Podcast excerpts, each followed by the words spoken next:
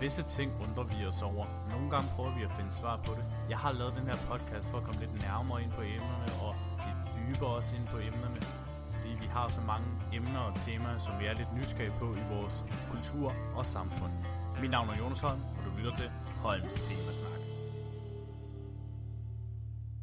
Holms Temasnak er i samarbejde med Sangen Man Husker, skrivningen af festsangen, bryllupssangen, konfirmationssangen, digte, taler fra det øverste hylde. For at få mere informationer, kontakt sangen man husker, snabelag, gmail.com. Velkommen til podcasten Holms Temasnak, en podcast, som altid tager nogle emner og temaer op, som vi er lidt nysgerrige på i vores kultur og samfund. Livet som up-and-coming komiker. Komiker! Så skal man være sjov. Så sandt som det er sagt. Hvorfor vil man være komiker? Er det lige så let at være det? Hvordan får man folk til at grine, og hvor meget skal der til for at bryde igennem? Disse spørgsmål vil jeg prøve at finde svar på med min gæst i den her episode.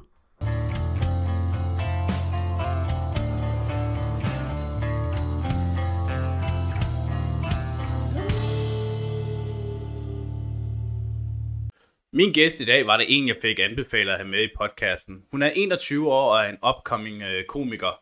Og jeg kunne se på et opslag en liste over i stand-up huset, tror jeg det hed, som hun har optrådt for ikke så lang tid siden med Philip Daventier. Er det rigtigt stadig navn? Philip Daventier.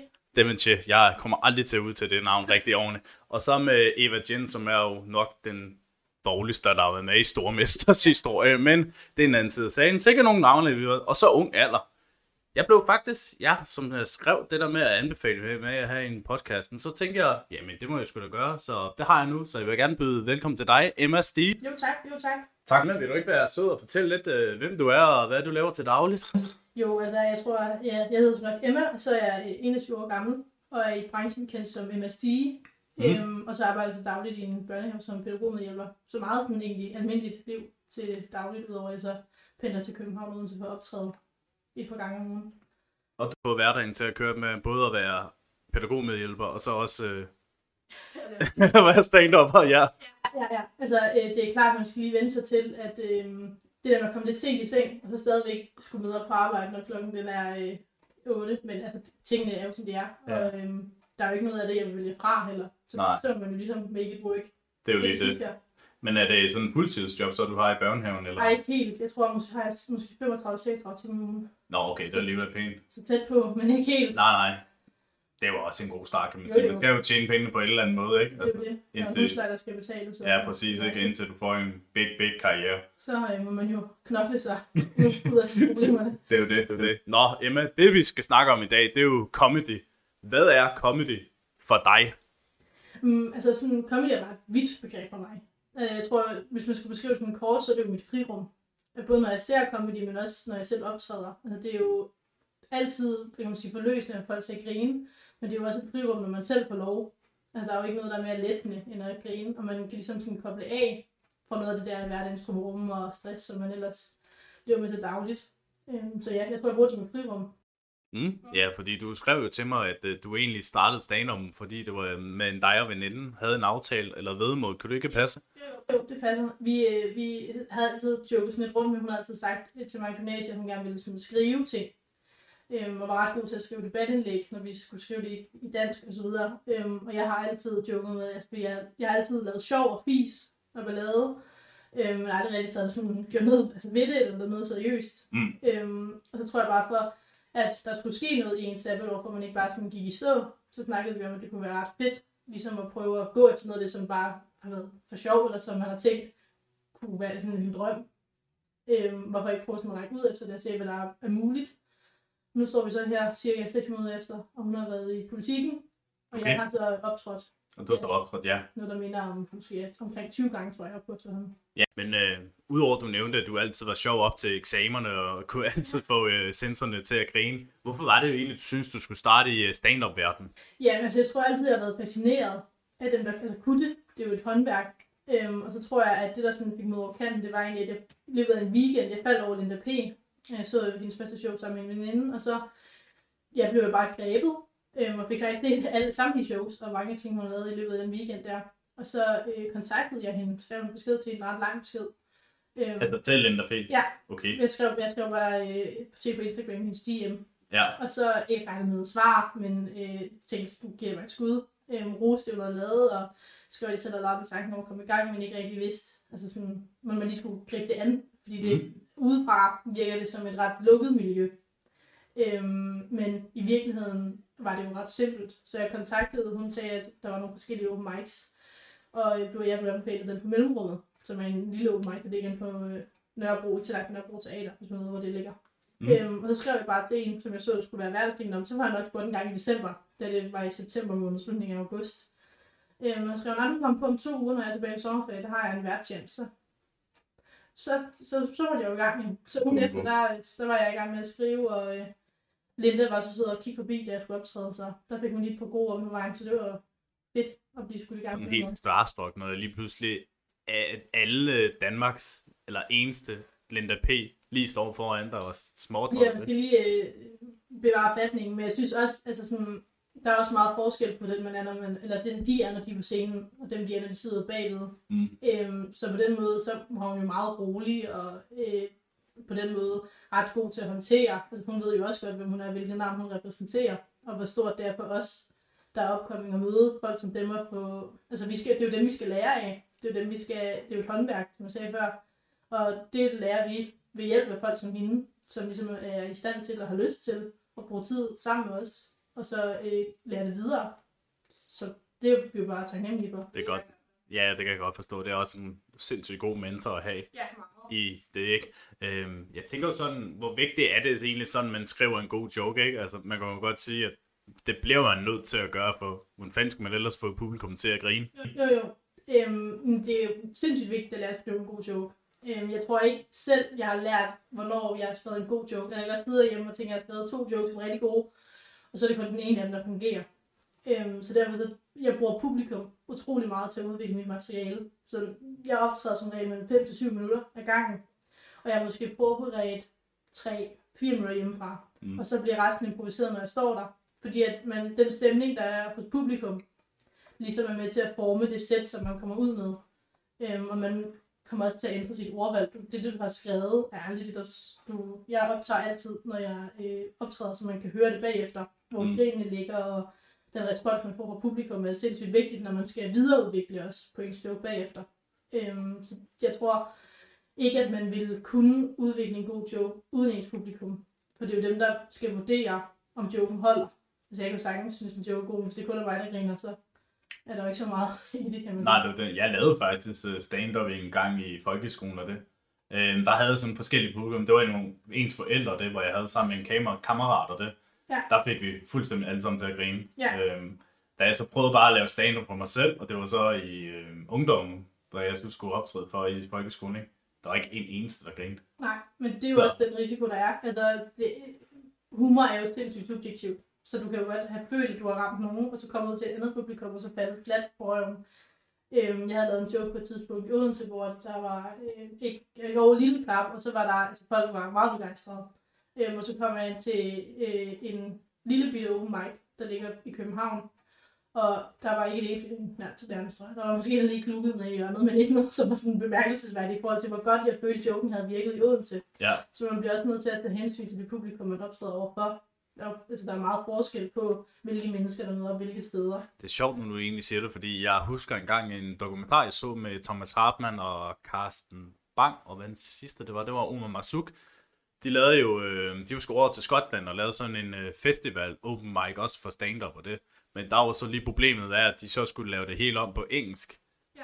Og der var jo kun kommet måske fire mennesker for at se dem, og så var der den anden dag, hvor der var fuldt op, men de skulle jo fuldstændig, altså, de skulle fuldstændig få det andet til at være over til engelsk, ikke? og de kunne simpelthen ikke fange publikum overhovedet. Ikke? Og der kan man også se en som Simon Talton, han har jo haft den der kæmpe fordel med, at han har nogle irske brødre og forældre. Ikke? Men Altså, selvom du er skarp på engelsk, kan det være svært at få din joke til at fungere på engelsk. For der er, Ja, ja. altså, det setup og punchline kan man ikke altid få til at hænge sammen Overhovedet ikke. øh, på engelsk, så godt som du kan på dansk. Nej, og ligesom også ham der Konrad også, altså Ja. han øh, har jo det der engelske og danske i sig, ikke? Altså, Jo. det er jo nok det, der er også det sjove, ikke? Jo. Og det var også det, jeg lyttede til i Christian Fugl også, hvad så, altså, man skal bare blive ved med det der gebrokken dansk engelsk, ikke? Altså, så fanger man publikum. Ja. Altså, Men man skal, man skal også kunne hvile i det. Altså, jeg vil aldrig kunne gå op og lave et sæt på engelsk. Altså, fordi for det første er det engelsk ikke skarpt nok. Nej. Og for det andet, så øhm, jeg tror, jeg vil have svært ved samtidig at skulle afkode publikum. Altså for mig er det sindssygt vigtigt, at man også skriver de kommentarer, man får tilbage. Ja, præcis. Det vil jeg ikke kunne på samme måde på engelsk, fordi mit Nej. ordforråd er slet ikke stort nok. Eller, Det kan jo være, at det kommer på en prøve en dag. Når... ja, det kan, det kan være, jeg samme mod mig.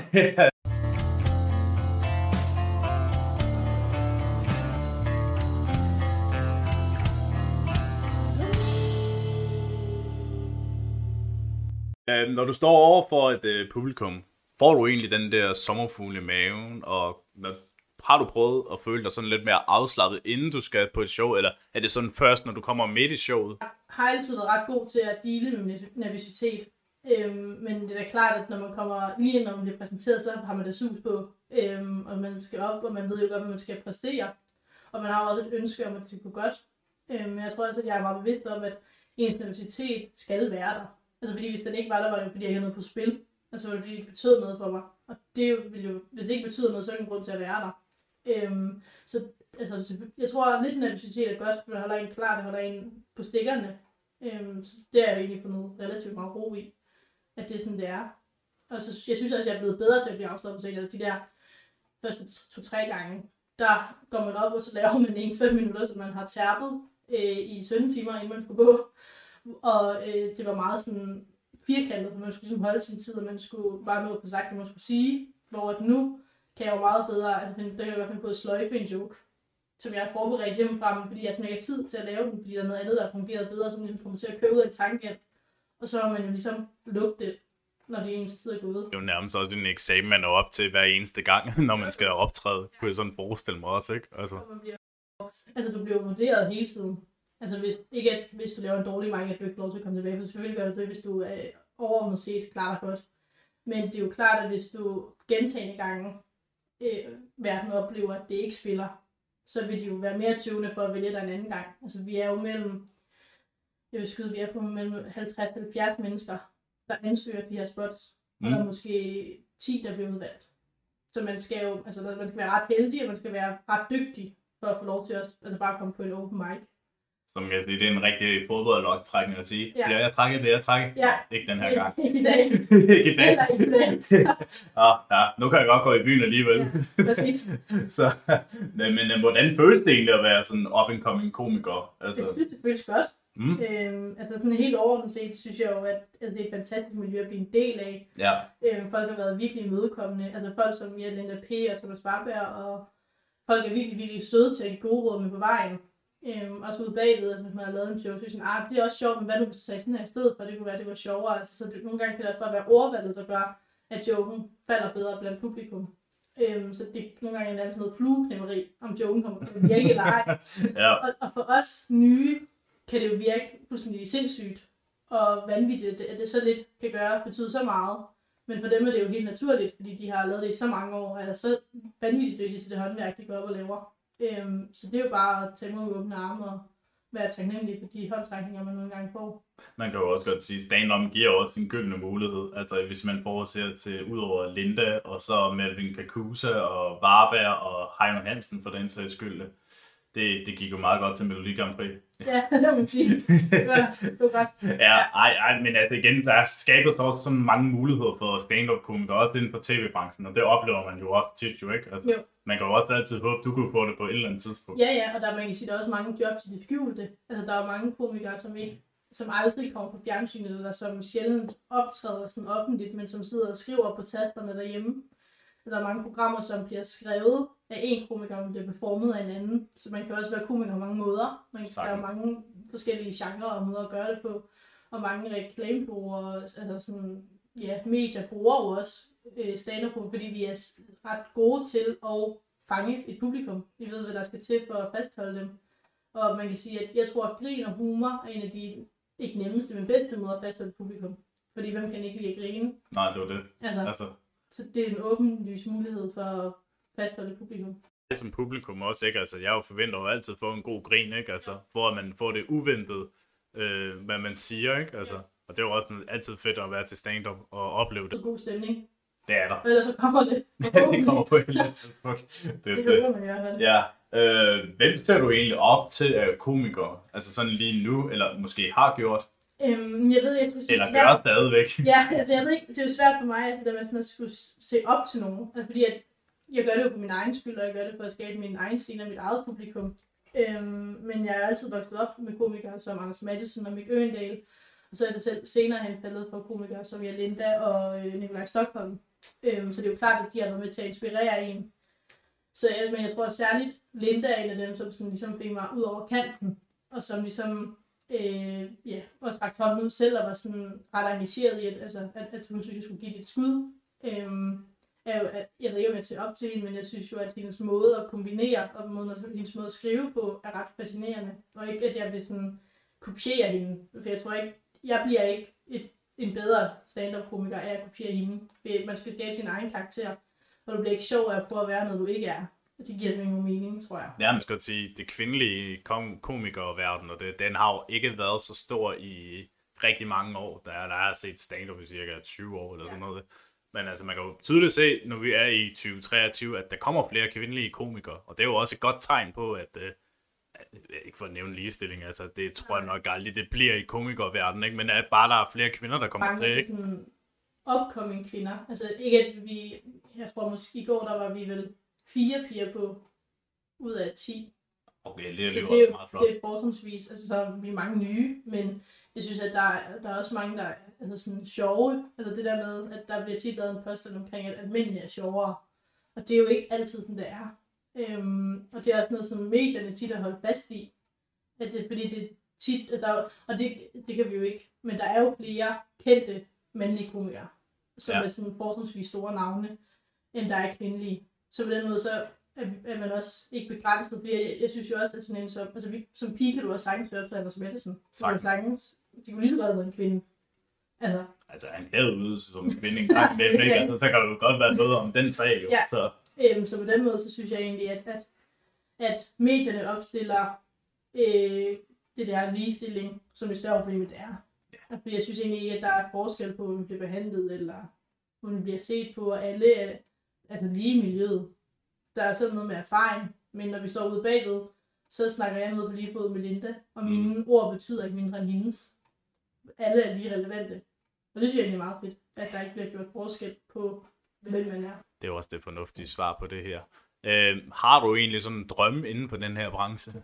Ja, det er jo klart, at man, altså jeg ved ikke, om jeg drømmer om at kunne sådan leve af det endnu, altså der er stadigvæk øh, lang vej, ved jeg ikke, men det er jo svært, altså, der, der, der kan gå lang tid, før man bryder igennem, og vi er mange om fadet og mange om budet, og vi er, man skal være dygtig, og man skal være heldig, tror jeg også, for ligesom at komme igennem øh, nåleåret. Øh, så lige nu der er jeg bare glad for de muligheder, jeg får, og jeg, øh, men mit første delmål, jeg satte mig, det var, at jeg gerne ville optræde på Comedy Zoo, øh, som simpelthen den mest kendte Ja. danske scene, tror jeg, øh, i forhold til open mics.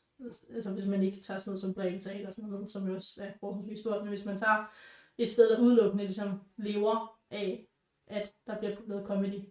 Øhm, og det gjorde jeg jo så cirka to-tre måneder efter, jeg debuterede, der var jeg med på open mic på Comedy Zoo. Wow. Ja, øhm, ja så nu tager jeg imod alt, hvad der kommer. Med Ja, det kan jeg godt forstå, men det må også være meget fedt at stå på den legendariske sted af alle Jo, steder Meget. Danmark, Comedy Zoo, som alle kender og ved, hvor ligger. Præcis. Også nervepirrende. At man, øh, der, der er ligesom noget at leve op til. Det er At der. man kan sige, at de andre steder, der kan du sådan gå af, og så kan man være sådan, om jeg har bare været på mellemrummet. Ja. Og ikke at mellemrummet ikke er en fed mic, for det er det. Øhm, men men det, der er ikke samme stemning, som der er på Comedy Zoo, og forventningerne er også noget andet. Nej. Øhm, det synes jeg, det var en fed open mic, fed oplevelse, og godt publikum, og Det kunne jeg godt forestille Philip mig. Devanchier var vært, klarede det sindssygt godt.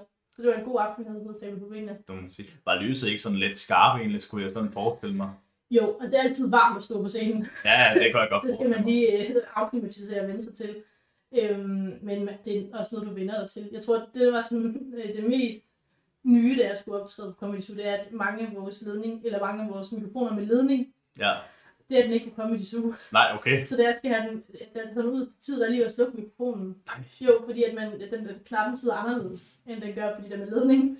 Så jeg, det er helt, jeg er ved at slå helt udstenet. Men øh, for, for en redde, det var heldigt. Øhm, Nå, det var sgu men, øh, men ja, så det, det, det skal man lige vente sig til. Det er som om altid, når lige dør, man lige skal på det, så skal der altid lige den uh, lille fejl, ikke? Fejl over eller andet. Ja, det er det. Men øh, det gik. Så det var godt. Noget. Jeg har faktisk sådan en sjov historie. Øh, du, ved du egentlig, hvor Seps det ligger ja. i uh, Slagelse? Ja, det var fordi, de på et tidspunkt, det er mange, mange år tilbage, jeg tror det hvad er det, 8 år siden, ikke? Puh, jeg føler mig gammel, når jeg siger det, ikke? Uh, det var fordi, Seps havde sådan en uh, comedy uh, torsdag, tror jeg det var. Ja. Ja, det var det. Uh, der havde de jo hyret, uh, hvad fanden var det, det var Jakob uh, Svendsen, det var, og så var det Philip selvfølgelig, han var så vært, han er jo sjov nok for Slagelse, ikke? Jo. Øh, og så Mark Lefebvre var der også, men de var jo så opvarmerne. De skulle opvarme for Jacob Wilson, ikke? Og det, når man tænker på det show i dag, Mark Lefebvre, han er sådan en pænt meget stor stand-up-komiker i dag, til at starte sådan et sted i Seps, ikke? Altså, det var også 100% ham, der havde stjålet showet. Det var helt sikkert. Altså, han har findes noget af det sjoveste.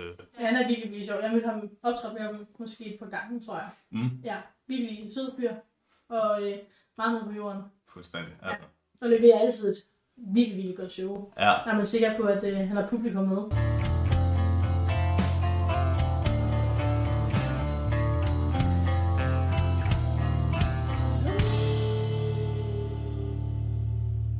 Nå, Emma, nu synes jeg, vi skal i gang med podcastens top 5'eren, Ja. som jeg altid har med i min podcast, for at det ligesom selvfølgelig er altid interessant at høre. Ikke? Øh, Jeg synes, vi skal lave de bedste komikere, der er i DK. Altså, det kan jo være en rent tilfældig øh, rækkefølge, vi kører det på. Ikke? Altså, Ja. Så hvordan synes du, vi skal lave den? Det er jo dig, der er gæst her i dag, jo. Ja, men altså, jeg tror, at den, jeg vil nævne, som er sådan, den der sådan, jeg synes, der er ikke, jeg ved ikke, dygtigst, det er jo svært, det er også, der er mange Ja, ja. lave Altså, man kan, man kan jo sige, vi kan jo prøve, altså, vi kan tage på din liste, og så kan vi tage på min liste, hvis det er sådan, Ja. kører. Skal vi ikke bare gøre det? Øhm, jo, Jamen, altså, øh, jeg kan godt lide øh, sådan en som Anders Madsen, og det synes jeg er både fordi, at han er, han er sindssygt, sindssygt klog, og man skal ikke undervurdere, hvor mange tanker, jeg tror, han har i løbet af sådan en show, og overvejelser, han har gjort sig. Øhm, jeg ved ikke, hvis man har hørt hans podcast, Den Hvide Væg, så kan man jo få lov til at dykke lidt ned i, hvordan at, øh, hans laboratorium hænger sammen, når der skal brygges på noget. ja. Øhm, og det er ret fascinerende, det der med, hvordan han kan... Jeg er simpelthen øh, eller sådan, ja, fascineret af, hvordan han kan tage et, et, et ret simpelt emne, og så splitte det fuldstændig til atomer. Altså, øh, jeg kommer aldrig til at tro, hvad også nogensinde nu. Altså, fordi at det han med i sin podcast. Det, det kan jeg ikke tage seriøst længere. Nej, overhovedet ikke. Altså, han, altså, men han er genial ved alt, hvad han laver. Ja. Altså, det kan vi ikke komme udenom, ikke? Altså, både hans stjernede ninja og jul på Vesterbro og ja. alt det andet, han har lavet. Han er jo fuldstændig genial, den mand. Ja. Øhm, åh, nu skal jeg tænke mig om. Øh, jeg vil tage nok øh, Heino, Ja. fordi jeg synes, Heino Hansen er gået fra at være en meget kikset komiker til at være en meget sjov komiker i dag. Ja. Altså, i, også i forhold til, at han siger altid tingene sådan bare lige ud. Altså, der er ikke noget, jeg tror nærmest ikke alt det der, han siger, det er helt planlagt, fordi det kommer ud af ingenting, og det synes jeg, det er nok også derfor, han er en af kom- landets komikere, en af de bedste. Altså, jeg synes virkelig, han er god. Der jeg ved, eller det der mange, der sådan, øh, glemmer, det er, at Heino har lavet comedy i lige så mange år som, sådan, som Thomas Warberg Ja. og øh, ja, Thomas Hartmann. Han har bare aldrig sådan helt brudt igennem, fordi han har lavet øh, impro-comedy, som ikke har været sindssygt stor i Danmark. Øhm, så det er derfor, han er så hurtig, og han, altså, han er jo vildt god til at interagere med publikum. Så jeg, altså, når jeg ser ham optræde, der må jeg bare tage hatten af for, altså, hvis der bliver sagt noget, så skal du være klar til at blive grillet. Er fuldstændig. Han Altså. griber alt, hvad der bliver kastet mod ham. Ja, det er jo det. Altså, og plus, jeg synes, elsker hans øh, podcast, når han medvirker i alt. Altså, især ja. Brian Mørk Show. Nej, hvor han er sjov. Bare improvisere der, virkelig. Altså, jeg har flad ring hver gang. Og Ja. også hans uh, remouladedomstolen, som nok var en meget live chef, dengang coronatiden var. Ja. Så, jamen øh, Emma, du fører løs igen. Ja, men så tror jeg gerne, jeg vil sige sådan en også som, ja, Linda, tror jeg, er et åbenlyst valg. Og det, jeg godt kan lide ved hende, det er, at hun, øh, i hvert fald til i hendes shows, formår at kombinere det sådan seriøse, og noget af det sådan lidt tragiske, der kan være sket i, eller der er sket i hendes liv, øh, med komikken. Altså, så det er noget, man får lov til at grine af. Det synes jeg er ja, forløsende og lettende. Øhm, det er også sådan, jeg tit selv gør. Altså, hvis man har oplevet noget, der er sådan lidt tragisk, eller sådan lidt en ærgerlig situation, så altså, jeg, jeg, synes, for mig hjælper det ikke at sætte mig ned i et hjørne og græde over det. Mm. Øhm, altså, der, der, der er det nemmere, ikke nemmere, men det er bedre for mig at gå til pis på det, eller ligesom, jeg prøver at vende det lidt om, sætte det på spidsen for at gøre det sjovere. Øhm, så det, det synes jeg også er vildt sejt, at, at, hun tør også det er meget nøgent, noget af det, hun har lavet. Ja, fuldstændig. Øhm, jeg kan måske ja. ja. huske det der, hvor hun ikke havde snakket, eller ikke snakker med sin far, Ja. og hvor meget det egentlig gør ondt på hende. Altså, det var, det var meget rørende fortælling. Meget. Så øh, min næste, det bliver nok en, som jeg så at ramme op for Tobias Dybvad i Fasagner, eller hvordan hans show nu hed dengang. Ja. Øhm, og jeg tænkte bare, hvem er han? Ham her, der var opvarmer, ikke? Fordi det var lige pludselig Melvin Kakuse, der kom frem. Ingen, jeg har aldrig hørt om ham før, og jeg tror aldrig, jeg har ganet en opvarmer som ham før end nogensinde. Altså, Melvin Kakuse, han er det sjoveste menneske, jeg nogensinde har oplevet. Altså, også bare det der med øh, hans øh, shows er bare gode, og også bare ham og hans mor. Jeg elsker ja, det, er virkelig. sådan, Det, det kan man ikke få nok af. Nej, overhovedet ikke. Altså, altså jeg, jamen, han er så fantastisk menneske, virkelig. Altså, der burde være flere af ham slags. Ja, han, ja, han virker også, nu har jeg, jeg har ikke mødt ham desværre, øhm, men øh, han virker meget nede på jorden, og sådan øh, stille og roligt. Han, han virker meget menneskelig på en eller anden måde. Der er nogle af dem, der går, eller ikke, men man, det kan nemt øh, blive en karakter. Altså det, man, det er den, man er, når man kommer på scenen. Ja, ja, præcis. Altså. Og det er også nok derfor, at han er elsket af rigtig mange. Ikke? Jo. Så Det tror jeg. du skal bare videre, Emma. Ja, så, øh, så tror jeg, at en komiker, som... Åh, nu skal jeg lige tænke mig om en god en. Øh, at slutte på. Sådan, ja, det, han, er lidt, han er lidt nyere, så det er ikke sikkert, at alle kender ham. Men hvis I ikke kender ham, så er det i hvert fald et, øh, et søg værd. Niels Nielsen. Ja. Ja, okay. Øhm, og han er helt vildt sjov. Han har været med i DM i stand nogle gange. Øhm, og jeg har haft æren af at optræde med ham en del gange efterhånden. Og det, jeg godt kan lide ved ham, det er, at han tager hverdagsting. Og så gør han det bare helt vildt sjovt. Altså ting, som for mange af os ikke giver nogen mening, Mm. men som aldrig rigtig er blevet talesat. Altså han, han lavede en ret fin bid med, altså med dynevist. Det ser mig ikke rigtig sådan noget. Nej, øh, omkring, øh, altså, altså hvordan, hvordan helvede det er kommet op at stå. Altså fordi, at det er jo en, det er jo en vinterjakke uden ærmer. Hvem er det, hvem er det, der går ud og køber en, en dynevest? Og de der typer, som så altid tager en hættetrøje på indenunder, Ja, ja. og lige dynevesten op. Så, så var det sådan, hvorfor tager ikke, det er jo en jakke. Smid hættetrøjen og dynevesten, og så bare tage en helt almindelig jakke på. Ja, præcis. Og så havde det været helt perfekt, det var der gang i. Og han har jo ret. Jamen, det har han fuldstændig, og så det er jo rigtigt. Jeg tror, det er ikke de fleste, der tænker over det. Nej, men det er bare, det, det synes jeg er sjovt, det der med, at, at man kan få et emne, som måske til at starte med ikke virker sindssygt sjovt, men meget uskyldigt. Ja, Og så kan man bare splitte det ad til, ato- til atomer, som man aldrig kommer til at tage en dynevest på igen. Man kan ikke tænke på andet end at man bare rundt med Nej. en vinterjakke uden nærmere. det er jo lige ja, men jeg synes egentlig, det er en god top 5, vi egentlig havde lavet Ja. her. Så. Men jeg synes egentlig, øhm, ja, at det egentlig faktisk er en godkending af slags, når man tænker på, at det er nok er de, det bedste, der er i Danmark, undtagen måske lige den sidste. Ja, han skal nok vel komme frem på et eller andet tidspunkt. Man kan Så. sige, at man behøver heller ikke at være kendt for at være dygtig. Overhovedet ikke. Altså, jeg synes også, nogen som Nikolaj Stockholm er jo også hjernedødt dygtige. Fuldstændig. Men det bliver, altså, han er også sjov, fordi han tager pis på sit eget liv, og han tager altså, pis på ham selv. Og lillemor. Ja, præcis. Men det Eller, er jo, eller, eller musemor, er det ikke det, det jo siger? musemor, ja, Ja. jeg kender navnet. Øhm, men det er, jo, det er jo svært for, for andre at efterligne, fordi man ikke har haft samme liv. Så igen, så bliver man jo nødt til at altså, tage perspektiv fra ens eget. Det er jo det, der er ens udgangspunkt. Også fordi han har sådan den der kiksede grin, Ja, ja, som ja, man ja. egentlig bare elsker, ikke? Altså, Jo. også det der, hvor han improviserede også i, øh, hvad fanden var det, det var shit happens, ikke? Altså, Jo. jeg har det nogle gange svært ved at sammenligne den karakter, Øland, end uh, Nikolaj Stolmer, fordi det er nærmest den samme person. Ja. Altså, Men det er det jo, altså det tror jeg på mange måder, det er. Det var også derfor, han blev... Altså jeg tror, Øland, hvis jeg ikke husker forkert, det, jamen, det er rigtigt, det er rigtigt. er ikke en del af manuskriptet til at starte med. Karakteren bliver lavet på grund af Nikolaj Ja, det Stockholm. er rigtigt, ja, ja.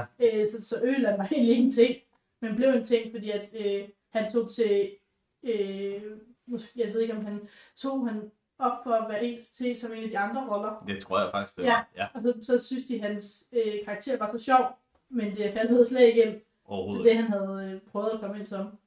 Men det sjove er jo ved serien, at den blev jo egentlig baseret på, hvad folk egentlig har oplevet Ja, ja. i øh, deres øh, liv på et eller andet tidspunkt. Og noget af det tænker jeg også lidt, ja okay, det var lidt nok, måske lidt voldsomt Ja, nok, hvis ja. det er rigtigt er sket, ikke? Altså, må nogle gange at dække. altså, og det var også det fede ved, at en komiker også kan skabe sådan en skuespillerkarriere. Altså, det var Ja. både også med Ruben Søtoft og så de to andre og Stefania. Ja, Så altså, det er jo meget fedt. der er mange muligheder. Det er der, altså, især når man også ser, at Jen, hun har lige været med i Garderoben, Ja, eller Garderoben. Hedder den det? Garderoben? Den der tv-serie, der kører. på TV2. Ja, det tror jeg. Jeg kan ikke huske, hvad den hedder. Men Jeg ved tror, jeg hvad tror den hedder Garderoben. Det kan godt være. Ja, det satser vi.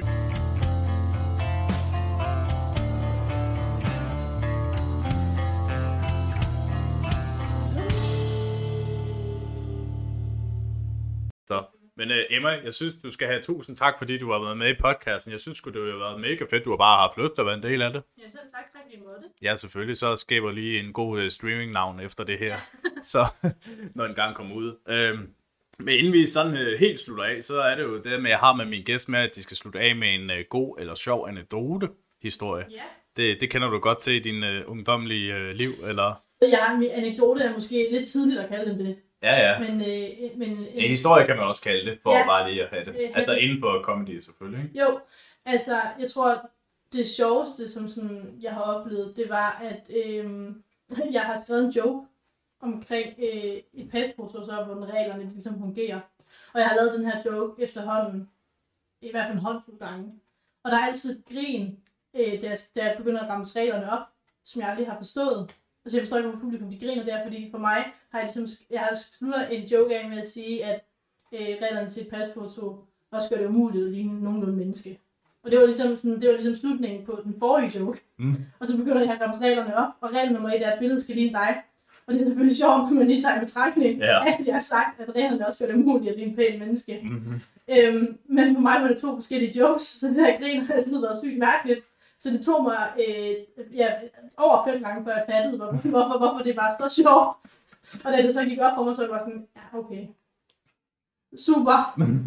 nu er jeg med. Og min veninde, der må stå og forklare mig, at du er med på, hvad det er, du selv står og siger. At du ikke kan fortælle et godt passord, så du siger til dig selv, at du er pissegreb. Det er det, du lige har stået og sagt foran øh, 50-60 mennesker. Okay, så er jeg med på, at, øh, at det var sjovt. Ja. Så det tror jeg, det er sådan øh, det, det mest, ja ikke det pinlige, men det mest sådan åndssvagt, jeg har, har præsteret i. Og det en joke, som jeg ikke selv vidste. Men det, ja, det, igen, det, det, det er jo rigtigt nok, altså, hvad du siger i forhold til med pasfoto. Ja, Altså. så det, det tror jeg, det må være det. Og inden vi slutter podcasten af, helt, helt, helt, så vil jeg bare sige, jeg prøvede mit bedste for at i hvert fald gøre lyden sådan god, både for jer og også øh, for mig selv, men øh, det er sådan lidt, når man har lidt anderledes mikrofoner, man bruger det her til, så jeg håber, I har nyt øh, episoden og fået lidt ud af, hvordan det er at være en ung komiker, som Emma er. Og igen, anbefaler at se hende, fordi hun er godt nok morsom at opleve. Det skal siges. I hvert fald, når hun er til arrangementer med venner og det. Det, det er aldrig kedeligt. Men øh, ellers igen, husk at lytte til podcasten, der hvor du lytter din øh, podcast ind. Øh, Spotify, Google, Apple Podcast også, og YouTube for den sags skyld for at uploade. det. Og igen, jeg er jo på Facebook, TikTok og også øh, Instagram, hvis I skal finde de seneste nyheder af det. Der er jo kun to episoder tilbage, og det er faktisk en dobbelt episode, som jeg vil udgive lige om lidt, fordi jeg regner nok ikke med at lave en speciel episode øh, i anledning af, at der er to er tilbage, for det er livet som Harry Potter med Ditte, som jeg går på HF med, og så er det livet som netto-medarbejder, hvor det er egentlig mig selv, der snakker omkring, hvordan mit øh, netto-karriere var. Så ja, var der mere? Hmm. Ja, igen, øh, hvis du er interesseret i wrestling, så gå over til at lytte til wrestleren og nørderne, fordi der er jeg til tider med at høre, øh, ikke høre, jo selvfølgelig hører de andre, men og snakke omkring wrestling, øh, hvordan det opstod også dengang, og hvordan de seneste nyheder i wrestling har været, hvor vi diskuterer det hver gang. Og det er underholdende sammen med Nikolaj Wagman, Kim Chaos og Kenneth. Det er aldrig kedeligt, når vi øh, er samlet og har lidt altid stikpiller til hinanden, så den kan jeg anbefale. Og ellers har jeg MMA på linjen, hvor jeg er sammen med Sebastian Kellerup, hvor vi snakker lidt omkring MMA og de seneste nyheder og fokus på UFC-events og også danske events. Så endnu en gang tak, fordi I lytter med til podcasten her. Jeg er glad for, at I har vist interesse for især den her sæson her. Det er, det er dejligt at vide, og I skal tro, det er derfor, at jeg fortsætter med at lave podcast. Det er på grund af, at jeg lytter. Så endnu en gang, tusind tak, fordi I har lyttet med. Holms Temasnak er i samarbejde med Sangen Man Husker, skrivningen af festsangen, bryllupssangen, konfirmationssangen, digte, taler fra det øverste hylde. For at få mere information og kontakt, sangen man husker, snabelag, gmail.com.